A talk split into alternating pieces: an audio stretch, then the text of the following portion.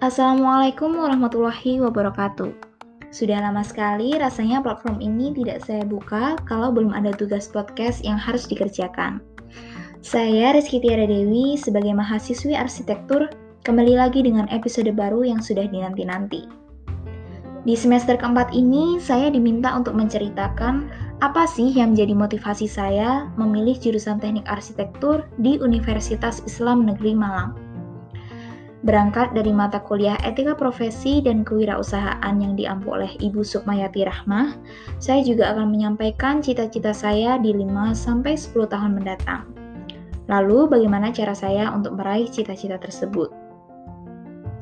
Pertama-tama, saya memilih jurusan arsitektur merupakan suatu hal yang tiba-tiba saja terjadi. Apalagi, saya memilih di universitas yang notabene-nya tidak ada alumnus SMA saya yang berkuliah di sini.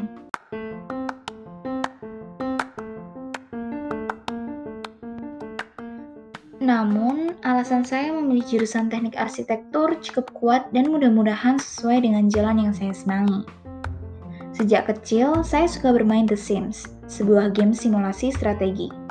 Di game tersebut, kita bisa membangun rumah dan mendesain ruang-ruang yang ada di dalamnya. Seiring bertambahnya usia, saya senang memperhatikan mama saat sedang menata rumah karena Mama adalah seorang yang cukup bosan dengan suasana rumah dalam waktu yang singkat, beliau kerap sekali memindahkan posisi furniture-furniture yang ada di dalam rumah. Setelah mengenal YouTube, saya senang sekali menonton channel Mr. K, sebuah channel yang menyuguhkan tontonan desain interior dan arsitektur di luar sana.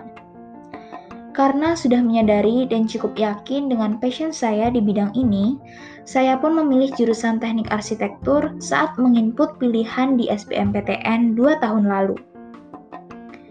Kemudian, kira-kira apa yang akan saya lakukan setelah lulus dari jurusan yang ternyata tidak mudah saya jalani ini?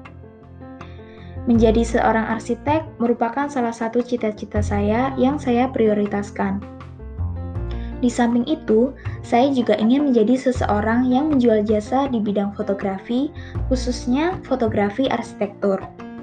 Tetapi untuk saat ini, saya belum mulai menekuni hal tersebut.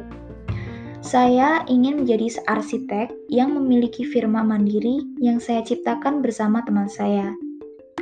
Untuk menuju hal tersebut, tentu tidaklah mudah.